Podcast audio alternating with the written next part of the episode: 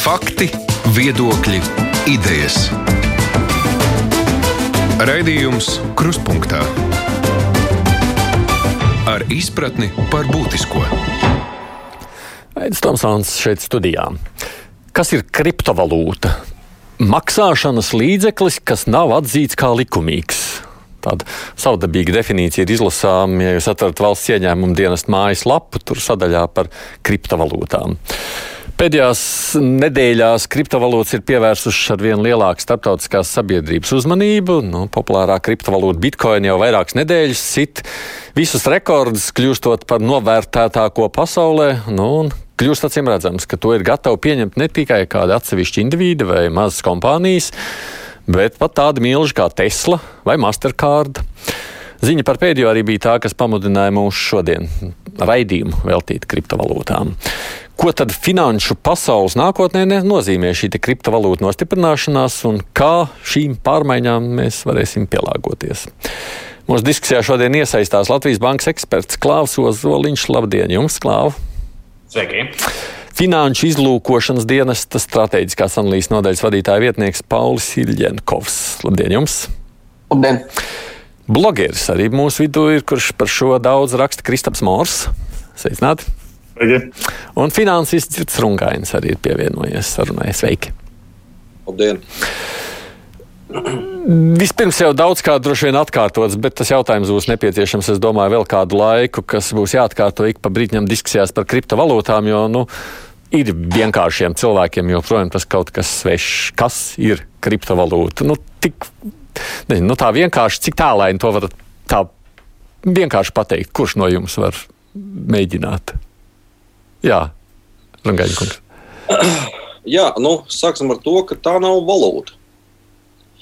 Un, um, tā, tas, tā ir programmatūra, respektīvi kods, kuru attiecīgi, kas var būt kaut kādā tajā vai citā datu nesējā, kurš mārketinga nolūkos uzdodas par valūtu.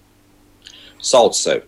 Un, um, Kas ir kods? Tā sauc, man ļauj cilvēkiem vēl, kas ir kods? Cipariņš? Program, programmatūra, programmatūra. Tie ir cipari, burti, respektīvi tā ir valoda, kurā sarunājas kompjuteri, kurā tiek rakstīts kompjutera programmas. Tas viss šie tā saucamās monētas, dažādas tūkstošie viņš šobrīd ir. Viņas ir teikt, šīs te programmatūra. Šī programmatūra, ar, ar ko ir īpaša, ja mēs runājam par konkrēti tā saucamo pašu, kā viņi sev dēvē Bitcoinu. Tātad viņa, nu, jebkuru programmatūru, jebko var nokopēt. Fiziskos objektus nokopēt pilnīgi precēji, precīzi nav iespējams. Un tāpēc arī naudas viltošana ir salīdzinoši viegli atklāta.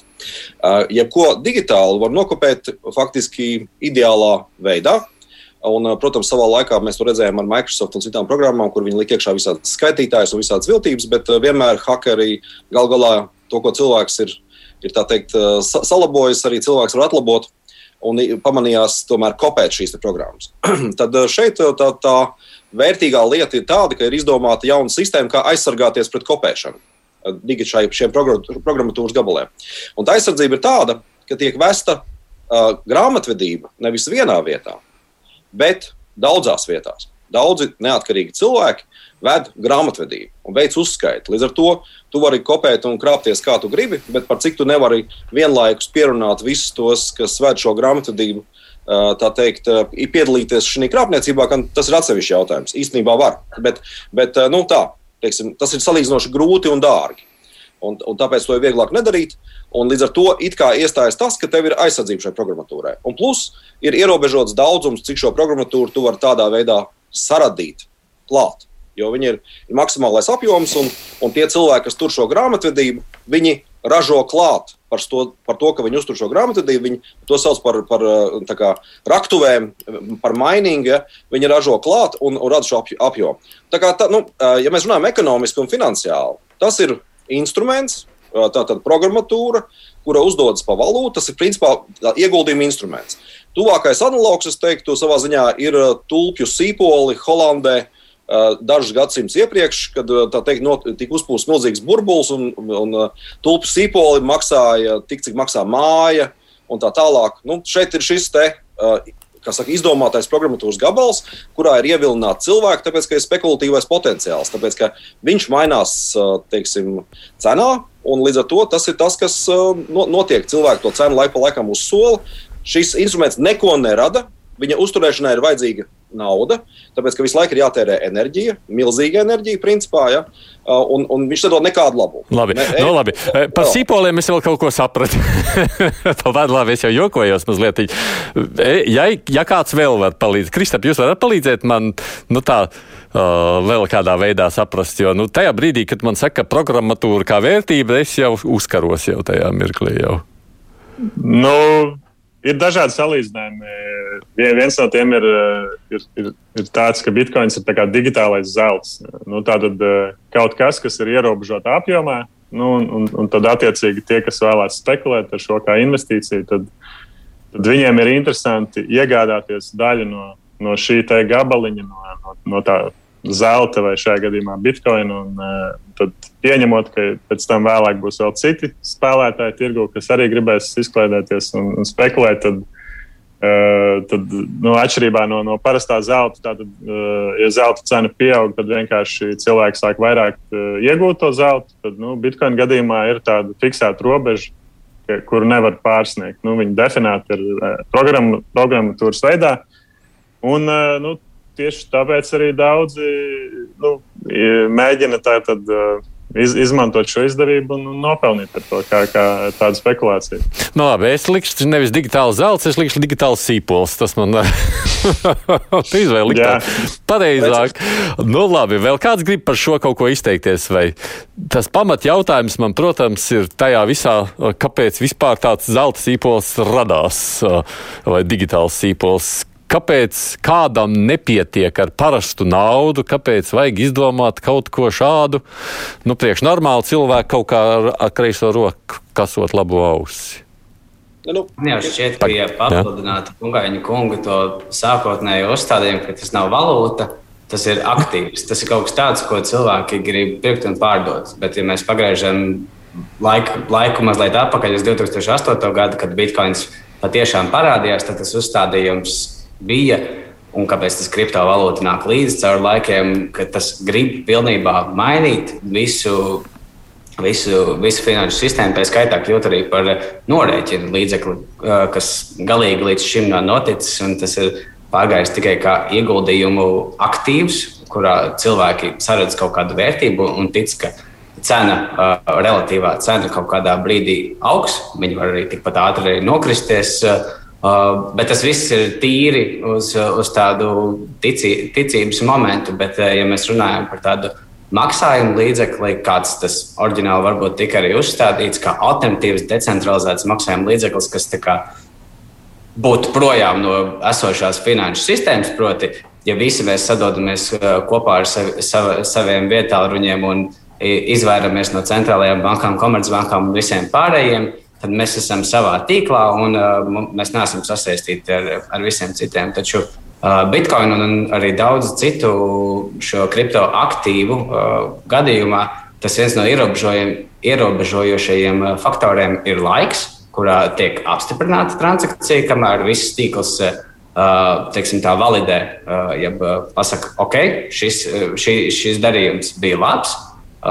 Dažreiz tās, ja mēs skatāmies līdzi, līdzi Tā statistika dažreiz tas ir pat 10 minūtes, ir pīķi, kas ir bijuši arī 30 minūtes, bet tas ir varbūt tā.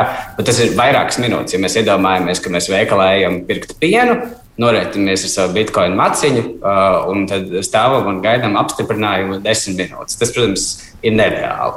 Un, uh, tas noteikti ir viens no tiem iemesliem, kāpēc, kāpēc tādā ikdienā šis, šis nav kļuvis par tādu uh, maksājumu instrumentu. Un otrs arī, protams, ir kopējās infrastruktūras un pieejamības, eh, ja pieņemšanas punktu uh, mazais skaits, jo, lai kaut ko tādu pieņemtu klātienē, kā maksājuma līdzekli tam uh, pakalpojumu sniedzējiem, veikalam, ir jāuztur arī savā pusē tā infrastruktūra un arī jābūt spējīgam apkalpot to visu. Tas noteikti ir tās lietas, kas, kas, kas laika gaitā ir izkristalizējušās kā kāpēc bitkoins nav un citi, citi, citi kriptoaktīvi nav kļuvuši par maksājumu. No nu, labi, pēc piena neviens ar to šobrīd, šobrīd, protams, neiet.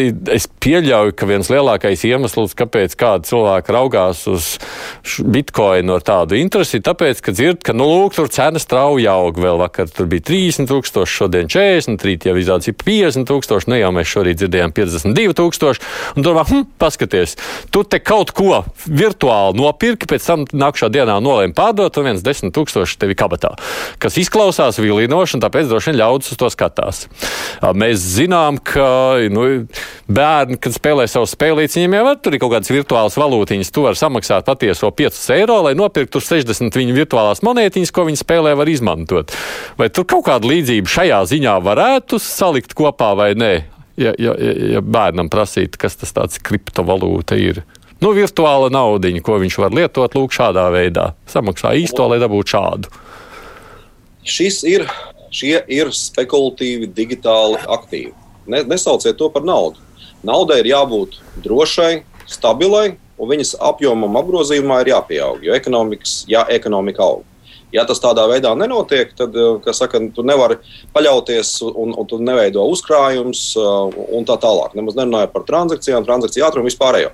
Tādā ziņā teikt, ka jā, par kaut kur kaut ko var nopirkt, nopirkt par šo spekulatīvo digitālo aktīvu. Nu, jā, par, par olām arī var nopirkt. Nu, iebarterēt, teiksim, pret olām maizi vai, vai pret daudz olām mašīnu. Vai, nu, tādā pašā veidā šis ir spekulatīvs, digitāls. Bet, aktīvs. bet šeit tu vari, ja, ja, ja barterēt, tu vari patiešām vienu pusotru miljārdu eiro pret, pret kaut kādu bitkoinu. Ko ir izdarījis, cik es saprotu, šobrīd Tesla? Nu, tas ir, ir, ir cilvēka dabā mēģināt ātri un viegli tūt, kļūt turīgam kā saka, bagātam.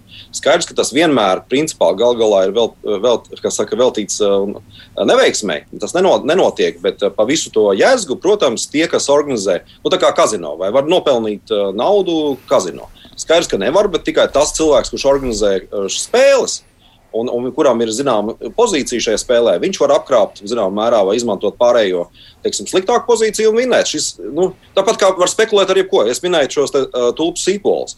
Ir bijusi spekulācija un, un bezgalīgi daudz dažādos aktīvos, un arī šī. Ja?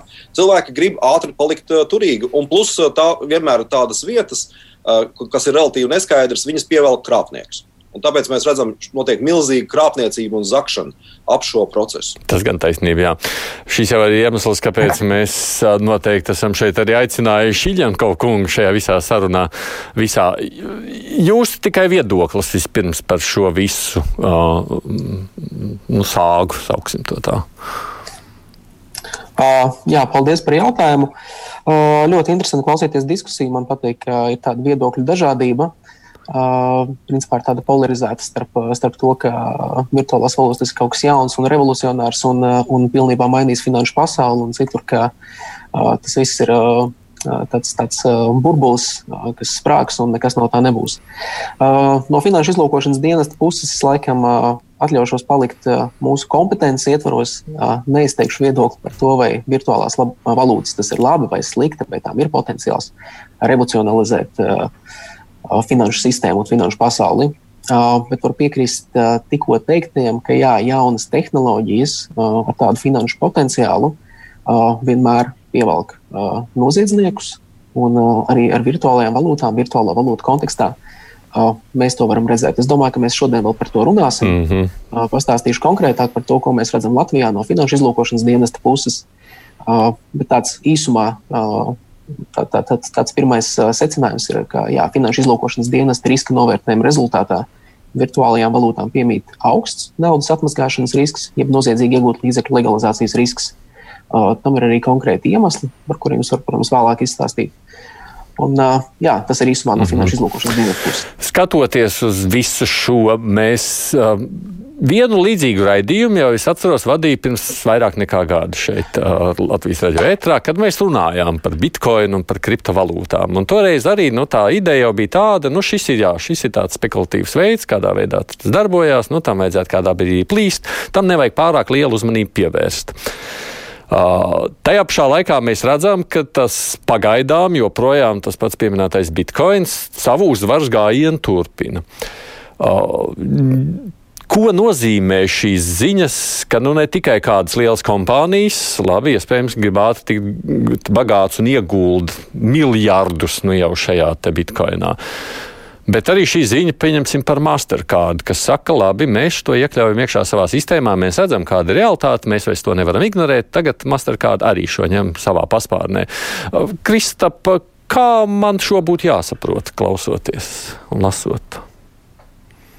Man šķiet, ka Mastercard gadījumā tur runa gāja vismaz sākumā par tā saucamajiem stablecoiniem, nevis bitkoinu. Uh, varbūt es kļūdos, bet, bet man vismaz radās tāds iespējas. Uh, Šī ir pieci dienu veca es... ziņa, ko es skatījos pašā Mastercard mājaslapā, ko viņi ir ielikuši. Kāpēc?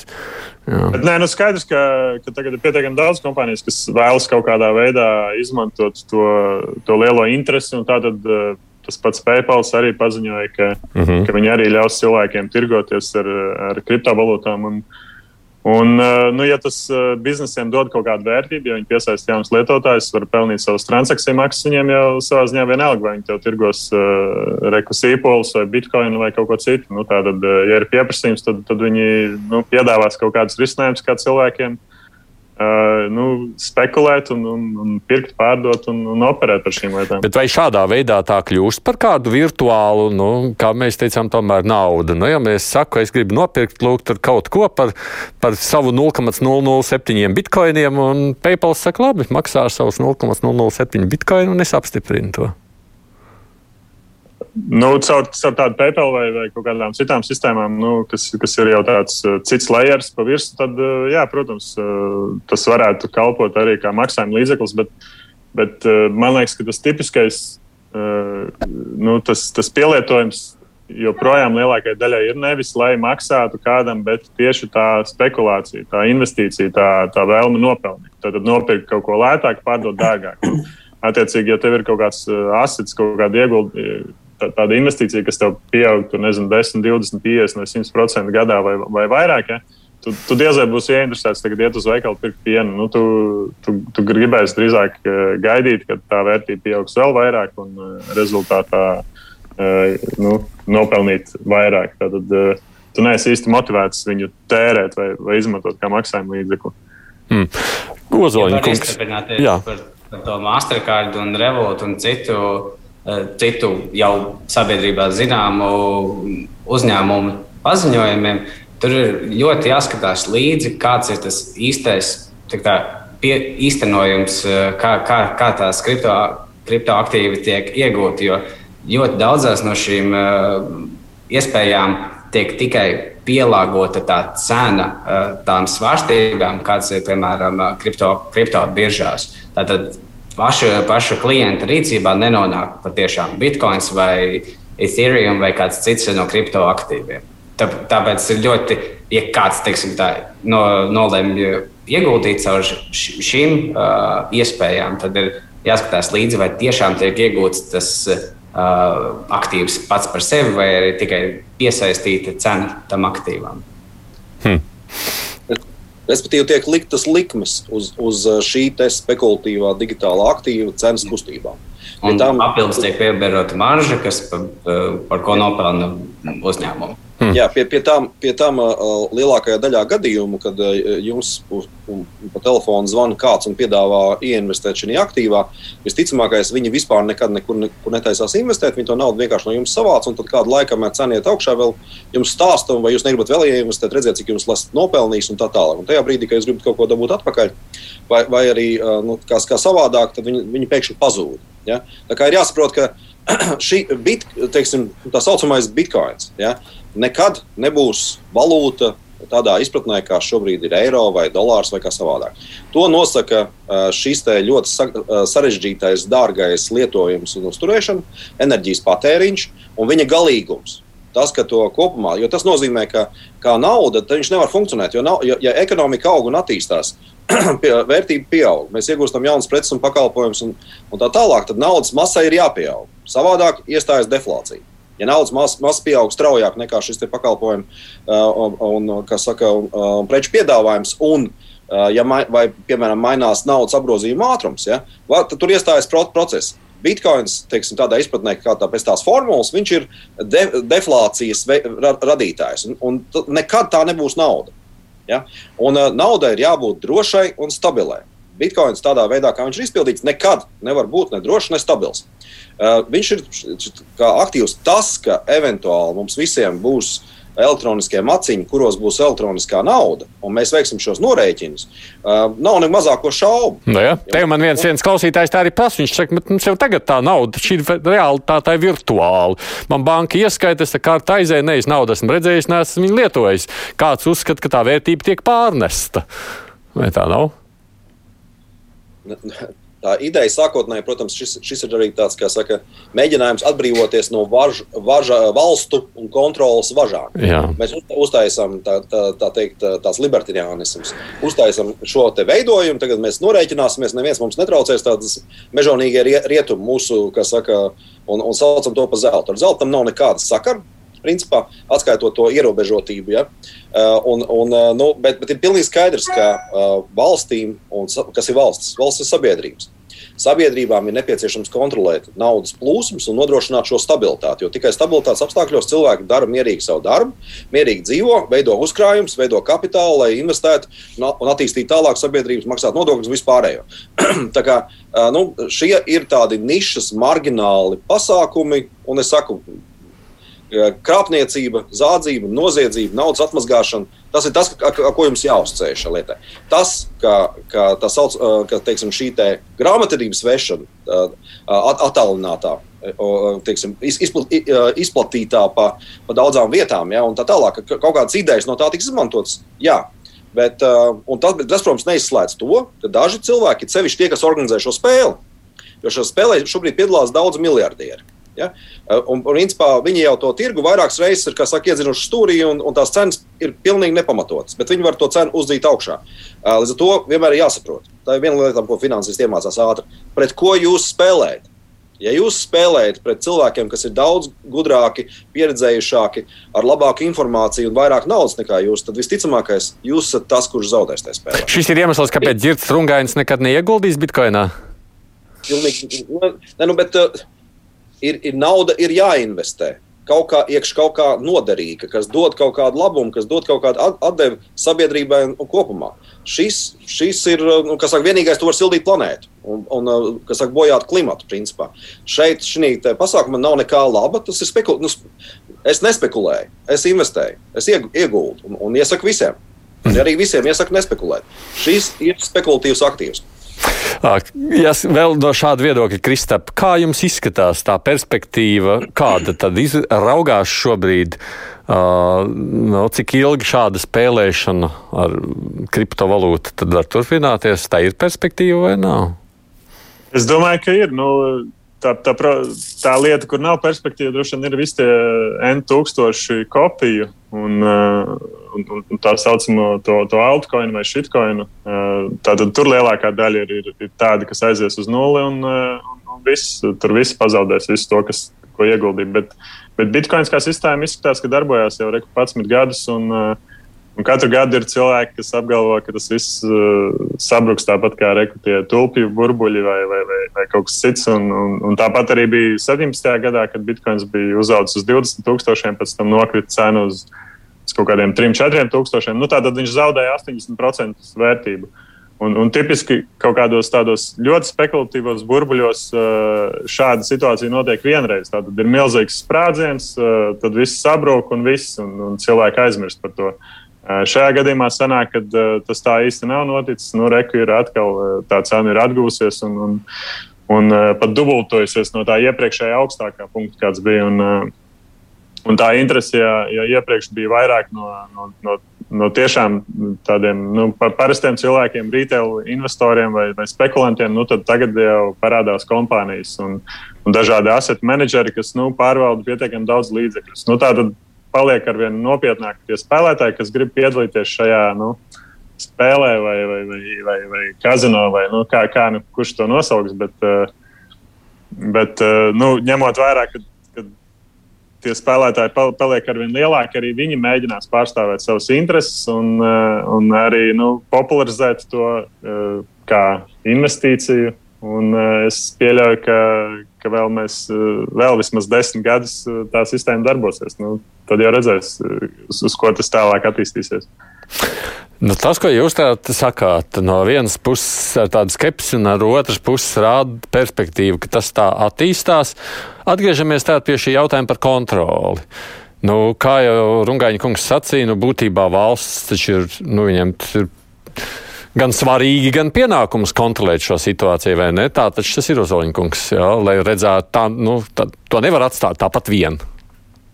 Es domāju, ka šajā gadījumā šeit nav varbūt jāraugās tikai Latvijas kontekstā, bet uh, visas Eiropas kontekstā, kur jau ļoti aktīvi no, no, no likumdošanas puses tiek notiek darbs pie jaunas uh, direktīvas, ko sauc par Markets and Crypto Assets, kas beidzot uh, uzliks uh, tādu ietvaru uh, visām gan kriptoaktīvu darbībām, gan arī ši, šīm maiņām biržās, tāpēc ka šobrīd, kā jau, kā jau mēs te runājam, tas viss notiek kā, kā nu kurš māca, kā nu kurš man ir dažādas gan šīs uh, schēmas uh, no, no, no krāpniekiem, gan dažādas viet, vietnes, vairāk oficiālas un mazāk oficiālas, kurās šīs apmaiņas notiek. Un, ja būtu šis likumdošanas ietvers, tad arī visa šī spekulācija uh, tiktu kaut kādā mērā sakārtota. Jo šobrīd teikt, ka tas, eh, tas burbulis nomirs piecu gadu laikā, baigā pamata nav.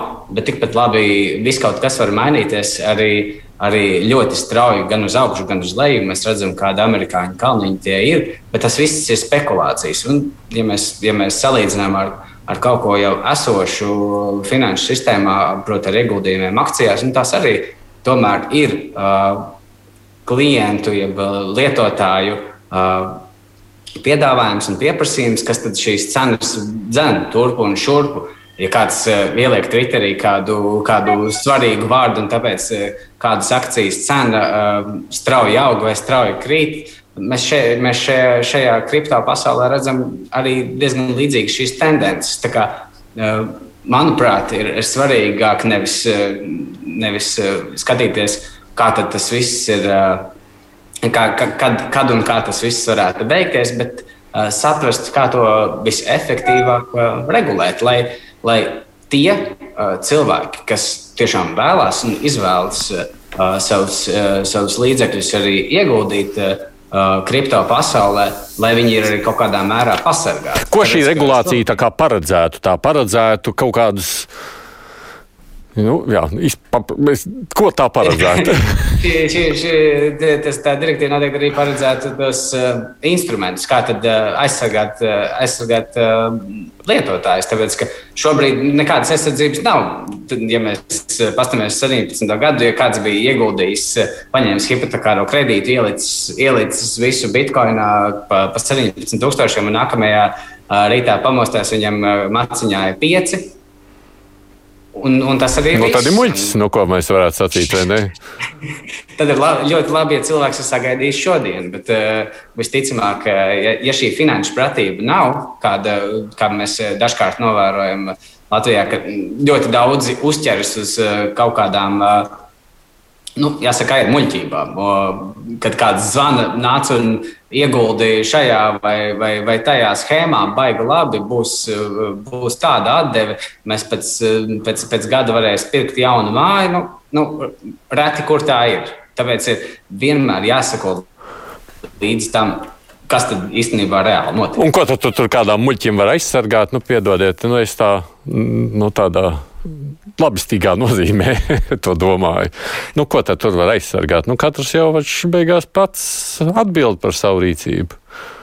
Nu, līdzīgi, līdzīgi kā šobrīd, arī, ja, ja, ja, ja cilvēks vēlas ieguldīt akcijās vai kādos sarežģītākos finanšu instrumentos, bankām un citā, cit, citiem šiem, šiem ieguldītāju fondiem, viņiem ir pienākums klientu anketēt par to, vai viņš saprot attiecīgos riskus, tad, eh, kā, ku, ku, kurus viņš uzņems. Vai, vai viņš saprot, ka, piemēram, ieliekot 100 eh, eiro šajā, šajā instrumentā, viņš var pazaudēt pilnīgi visu, un tā tālāk, un tā joprojām.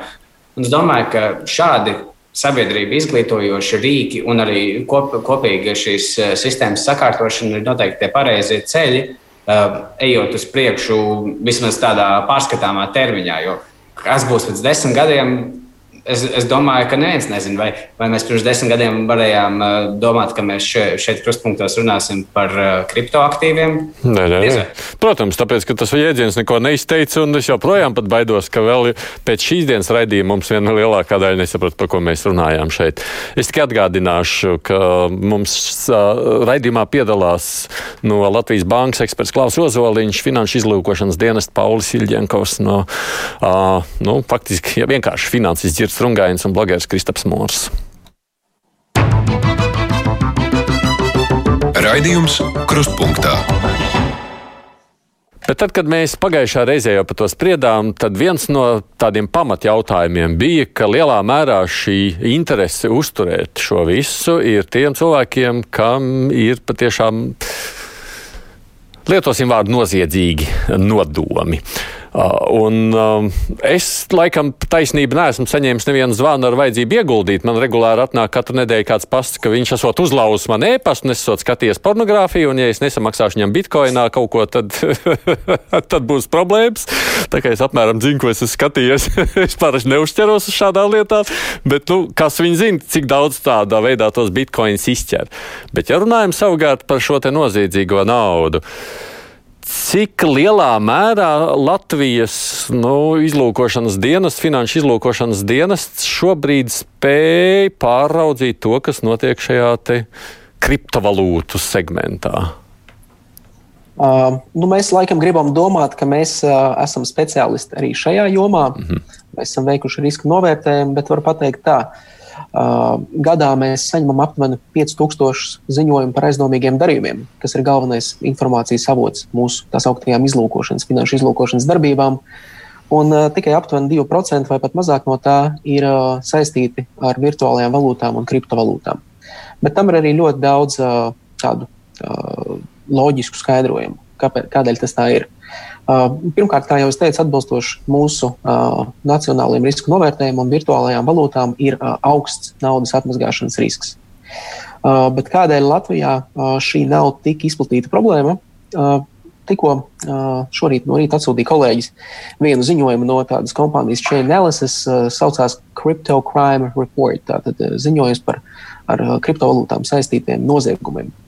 Diemžēl nesanāca ar viņu visu iepazīties pirms šodienas sarunas, bet izskrienot cauri pa diagonāli, tad var secināt, ka galvenie noziegumi, kas ir kriptovalūtu pasaulē sastopami, ir noteikti tajā tā sauktajā darknetā, tur, kur tiek iegādātas dažādas nelegālas preces un pakalpojumi, pat visdrausmīgākie, ko mēs varam iedomāties. Uh, otra lieta ir uh, šie izspiedē vīrusi, par kuriem jūs pats arī tikko minējāt. Uh, tie ir standarta izspiedē vīrusi, un tā ir ļoti izplatīta lieta tieši uh, visā kriptovalūtu pasaulē. Tad ir krāpšanas un zādzības. Zādzības vienkārši gadījumos, kad tiek nozagts piekļuvas, piekļuvas informācija konkrētiem maciņiem un cilvēkiem tiek nozagtas viņu kriptovalūtas.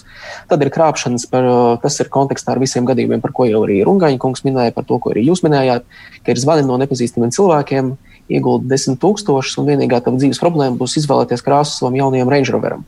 Un, nu, dienas beigās cilvēki paliek pie tukšas silas, uh, ieguldot uh, pilnīgi nelicencētiem, nesaprotamiem pakalpojumu sniedzējiem, kas pat nav finanšu pakalpojumu sniedzēji. Un, jā, kā jau minēju, tie ir vēl tie, tie drausmīgie noziegumi, kas ir, kas ir darknetā. Tie ir galvenie noziegumi, kas rada riskus kriptovalūtu pasaulē. Un, Rezultātā vienmēr, kad tiek izdarīts noziegums, to naudu ir nepieciešams legalizēt, jeb atmazgāt, lai tie noziedznieki to naudu varētu izmantot. Proti, viņi pastrādā šos noziegumus, lai līdzekļus varētu izmantot, tā skaitā kriptovalūtu, tad viņi ir nepieciešams izmantot. Un, tā atmazgāšana bieži vien notiek arī šajā kriptovalūtu pasaulē. Un, tas tiek darīts caur ļoti tādām nesaprotamām platformām, kuras nav licencētas, kuras neveic klientu uh, pārbaudas, ja klientu izpētes, ko mēs zinām, ka Latvijas bankās, piemēram, pēdējos gados ir ļoti daudz dzirdēts, ka varbūt pārcenšas vai ir ļoti piesardzīgas attiecībā uz savu klientu izzināšanu, saimnieciskās darbības pārbaudu un tam līdzīgi. Tad virtuālo valūtu pasaulē, tad, salīdzinot ar bankām, nu, tur varētu teikt, ka ir tāds akmens laikmets vēl ar vienu, jo uh, reti kura platforma, uh, it īpaši, ja mēs runājam par tām platformām, kas ir ārpus Eiropas Savienības, pārbauda klientu identitātes, patiesos labumu guvējus, saimnieciskās darbības modeļus un, un, un, un līdzekļu izcelsmi. Tāpēc tur tā nauda tiek arī atmazgāta. Kādēļ Latvijā šie riski varētu būt zemāki? Jo Latvijā at, arī atbilstoši mūsu nacionālajiem riska novērtējumam, kas drīzumā, kur kopsavilkums drīzumā tiks publicēts, mums galvenie noziegumi, kas rada naudas atmazgāšanas riskus Latvijā, ir korupcija, nodokļu noziegumi, kontrabanda un krāpšana lielā apmērā. Mm. Līdz ar to tie noziegumi, kas ir kripto pasaulē, un noziegumi, kas mums Latvijā rada augstāko naudas atmazgāšanas risku, savā starpā korelē nu, teiksim, tā, ļoti minimāli.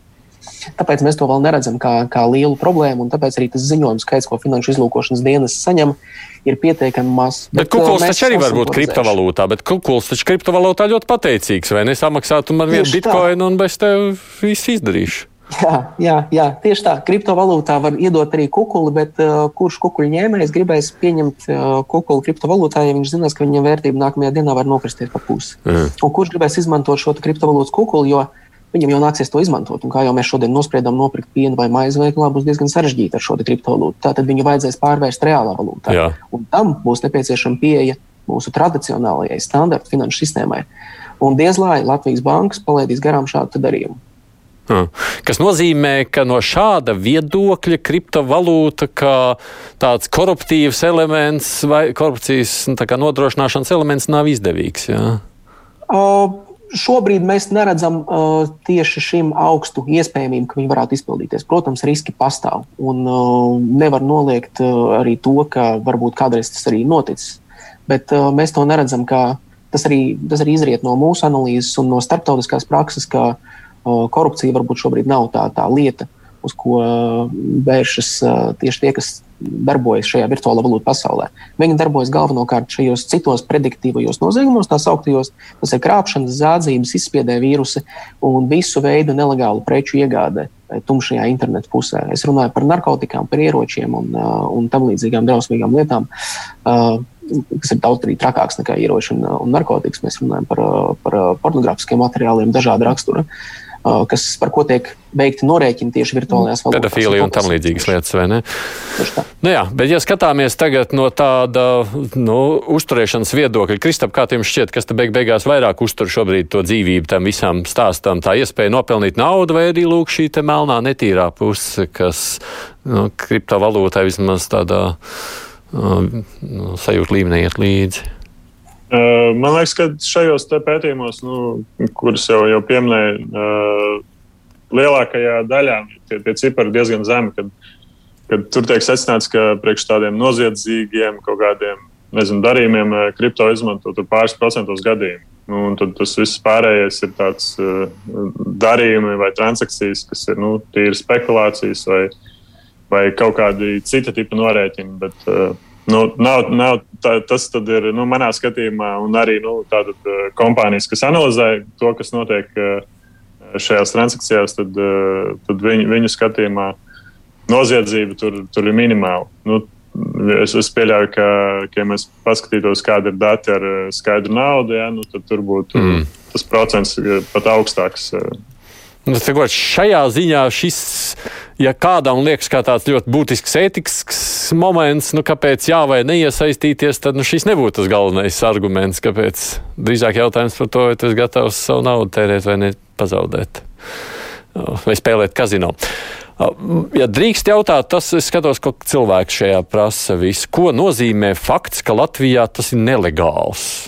Mēs tā kā nedrīkstam Latvijā tas ir so, sodīts, ja tu kaut ko tur pēc vai dari kriptovalūtā, vai nē? Ko šis te vidu paziņojums, kā to būtu jāsaprot? Es domāju, ka tur ir kaut kāds pārpratums. Nav, nav nekas nelegāls Latvijā. Tu vari pirkt, pārdot kriptovalūtas. Un, Man liekas, pēc tam nu, nav nelegāls. Tā tad nav atzīts kā likumīgs. Ko nozīmē nav atzīts kā likumīgs? Tad, tad. Nav ierakstīts likumā, ka, ka apgrozīt apgrozībā esošs maksāšanas vai vērtības uzturēšanas līdzeklis. Nu, tā es interpretētu valsts ieņēmuma dienesta mājaslapā norādīto informāciju. Nu, tā tad tu nevari maksāt nodokļus, piemēram, ar bitkoinu. Uh, bet tu vari uh, reku iemainīt to bitkoinu kādam pret kartupeļiem vai, vai, vai kaut ko citu. Jā.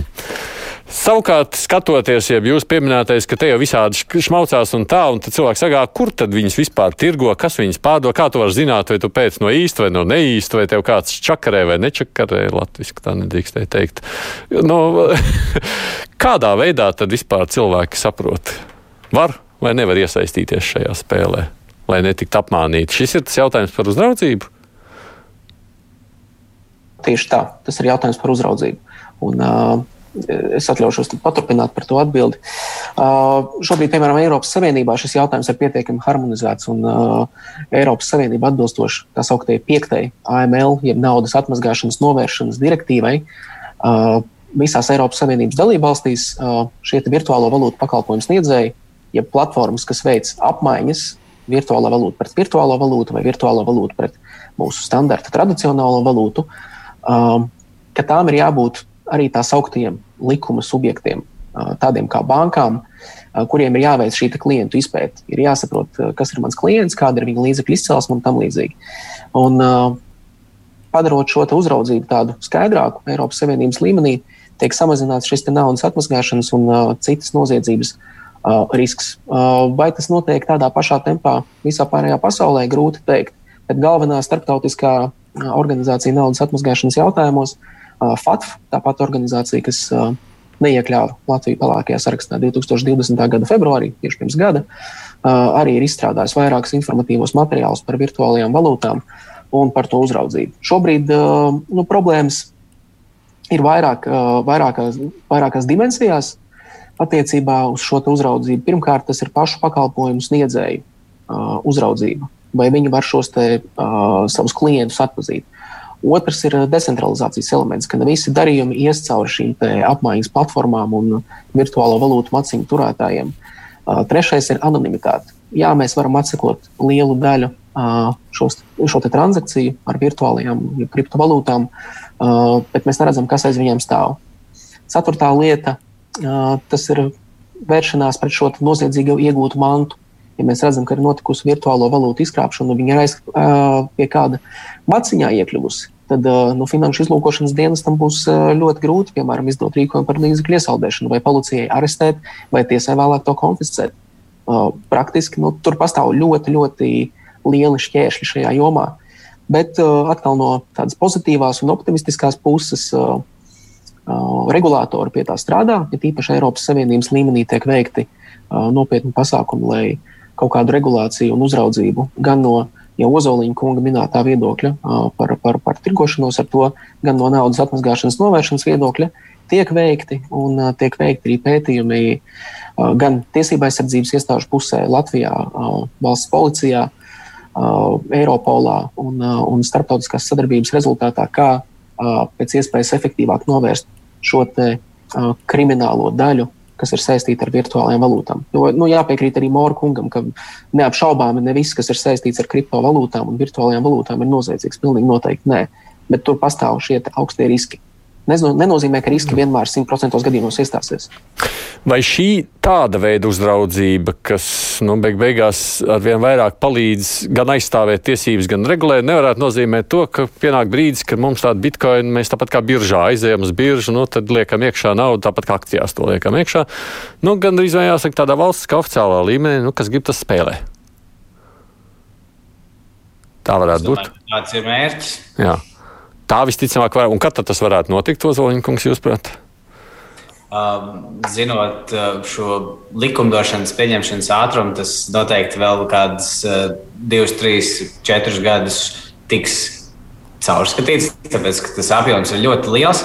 Un, uh, un, un manuprāt, tam, tam, tam likumdošanas garam ir jābūt tādam iespējami visaptverošam. Proti, lai nav tā, ka tiek tas tendēts jau vērsts uz eh, precīzām, kādām konkrētām šobrīd pastāvošām lietām, bet lai arī potenciāli, ja nākotnē tiek radīti kaut kādi jauni uh, paveidi, uh, kas, kas, kas, kas kaut kādā mērā mazliet tikai atšķirās no oriģinālajiem kriptoaktīviem, tad, tad, manuprāt, tam ir jāietver arī visi tie.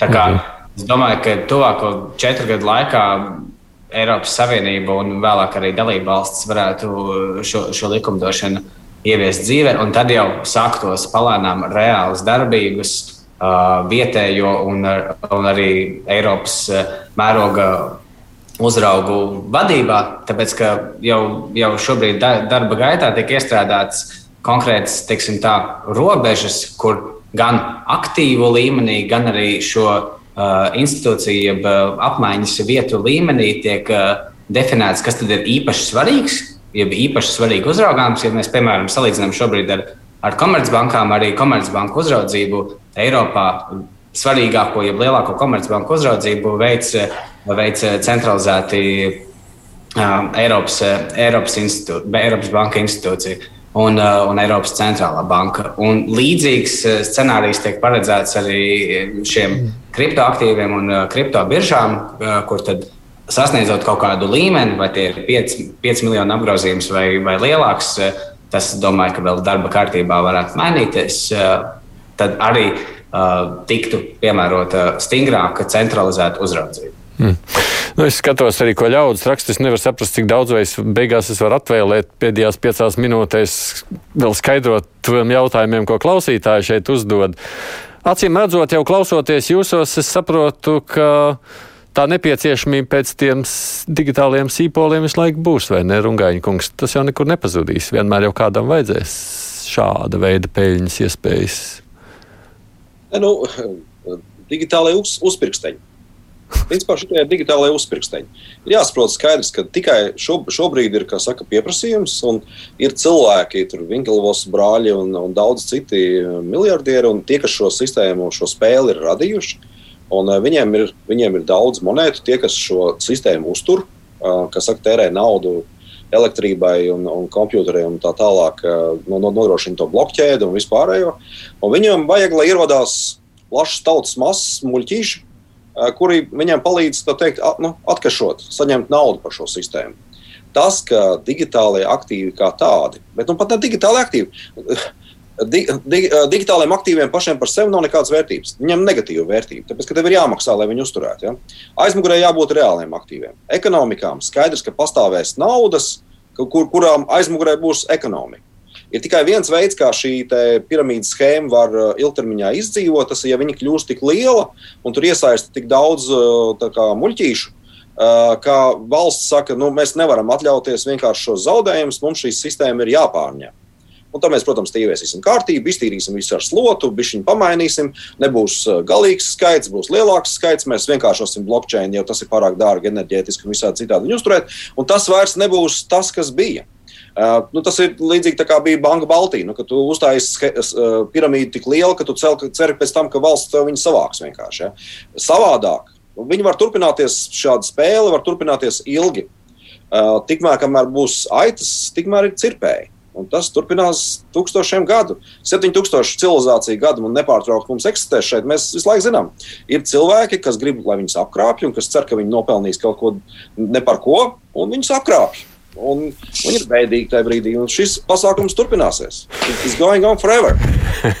Kristap, šis, kā, protams, izklausās pēc tādas loterijas spēles, kurās arī katrs iesaistās bingo vai vēl visādi. Nu, nu kā tu tomēr cer, ka varbūt tu būsi tas laimīgais, kuram izdosies? Nē, tāds nav. Nu, tā, tā, tā atšķirība ir tāda, ka, ja kazino, tu, tu esi garantēts, ka tu zaudēsi naudu loterijās, garantēts, ka tu zaudēsi naudu, tad nu, visi, kas ir pēdējo desmit gadu laikā nopirkuši bitkoinu, viņi šobrīd ir ar peļņu.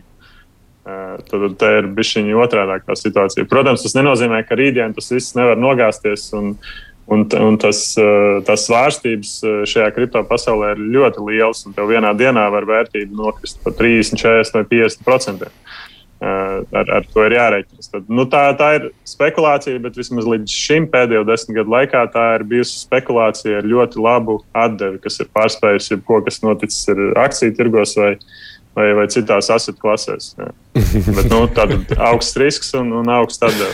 Bet uh, es, es gribētu piekrist tiem, uh, tiem te bija daži piemēri par tiem cilvēkiem, kas tev zvana un mēģina kaut ko iepārdot. Un, un, uh, es, es arī esmu saskāries ar cilvēkiem, kas ir uzrāvušies uz kaut kādām šādām problēmām. Man liekas, ka tur nav vispār nekāds sakars ar kriptovalūtām. Tātad, ja tev kāds zvana pa telefonu un mēģina kaut ko iepārdot, kaut kādu no, nu jā, investīciju, tad... vienalga vai tās ir valūtas, kriptovalūtas, eh, naftas akcijas, akcijas vai vienalga jā, jā. kaut kas cits, tad eh, jāmet no telefons, nevis eh, jāklausās un, un jāpazaudē naudu.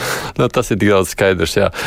Tev, protams, ir klausītāji, kas prasa, vai Latvijā varētu nodarboties ar bitkoinu rakšanu. Man ir vērts to darīt. Vai tagad, kad Revolūta Latvijā kļūs par banku, varbūt vidvai varēs vairs piekļūt maniem darījumiem. Ne cilvēkiem interesē. Mēs esam gatavi būt, mēs varētu būt konsultāciju birojas jums. Rakt nav vērts, tāpēc, ka Latvijā ir ļoti dārga elektrība. Un, lai raktu un kaut ko pelnītu, ir vajadzīga elektrības cena, kas ir kaut kāda 2-3 centi par kilovatu. Tas nav ne Eiropā īsti nu, darāms, ne Latvijā. Bet jūs, Kristap, paredzat, un tas tiešām ir jautājums no vairākiem, varētu būt, ka kādi no mūsu vienalga vai pakalpojumu, vai preču, vai pārdevēju sniedzējiem varētu to jau kā pieņemt kā maksājumu līdzekli. Bitcoinu. Ir jau bijuši, man liekas, kaut kāda kapitāls pieņēma bitkoinu kā maksājumu līdzekli, bet pēc tam noņēma, jo acīm redzot, nebija pietiekami liela interese. Ar Baltiku bija. Jā. Nu, jā, te arī ar Baltiku arī prasa tam līdzīgi, kā jums šķiet. Tas, tā, tā ir uh, reāla notikuma attīstība, vai tomēr ne? Es domāju, ka tam visam ir svarīgi, lai ir paredzama cena. Uh, es, es nezinu, kāds, kāds ir tas galvenais motivācijas iemesls, kāpēc Tesla šobrīd ir nopirkusi šo lielo apjomu. Bet uh, man kaut kur pakausīja skan, lai iespējami stabilizētu šo cenu un potenciāli varbūt tiešām arī pieņemt šos, uh, šo, šo, šo, šos kriptoaktīvus uh, par maksājumu līdzekli. Bet uh, varbūt tas ir tikai tiešām atkal spekulācijas, lai palielinātu savu vērtību vairāk kārt uh, akciju tirgu. Taču lai tiešām pieņemtu to kā maksājuma līdzekli, tai cenai ir jābūt stabilai, nu, paredzamai vismaz kaut kādās 1% robežās, nevis uh, vienu dienu 15 augšā, otru dienu 40 uz leju. Jā, sakiet. Jā, jā, uh, tiem, kas ar starptautisko politiku ņemās, viņiem ir tāds teiciens, ka, ja ir pīle, kas saka, ka viņa pēkšņi, pēkšņi kā pīle izskatās kā pīle un tā tālāk, bet saka, ka viņa nav pīle, tad tā ir Krievijas pīle. Un es gribu teikt, ka bitkoins un visi tie pārējie šeit ir pīle, kas izliekas par ziloni. Un viņa pēkšņi kā pīle izskatās kā pīle, bet saka, ka viņi ir zilonis. Nu, uh, lai kā mēs gribētu, par ziloni viņi, ne, viņi nekļūs teiksim, dažādu iemeslu dēļ. Bet daudz cilvēki, kā saka, sasildīsies šajā procesā. Es apsveicu tos, kurus sasildīsies, un izsaku līdzjūtību tiem, kurus zaudēs. Vārdu sakot, es domāju, te viss ir skaidrs. Gribat spēlēt milzīgā riska spēlē, kas ir vairāk pat nekā kazino, nu tad uz priekšu, bet nu, risks neapšaubām tas ir, ņemot vērā īpaši pašreizējo situāciju. Finanšu izlūkošanas dienas strateģiskās analīzes nodaļas vadītāja vietnieks Pauls Siļankovs mums stāstīja par to situāciju, kāda ir, ja mēs runājam par, uzra, par to nu, jā, noziedzīgo uzraudzību, kas notiek jebkādā veidā šo izmanto melnajā pusē. Mm, savukārt Latvijas bankas eksperts Klaus Ozoliņš par to, kāds izskatās no tāda banku uzrauga viedokļa. Mm, Blagers Kristaps Mors, finanses Dzirs Rungainis, paldies jums par iesaistīšanos šodien. Nu, es ceru, ka kādiem klausītājiem šī diskusija arī bija vērtīga vai noderīga. Producents kurspunktā ir Junāms, studijā bija es Aidis Tomsons.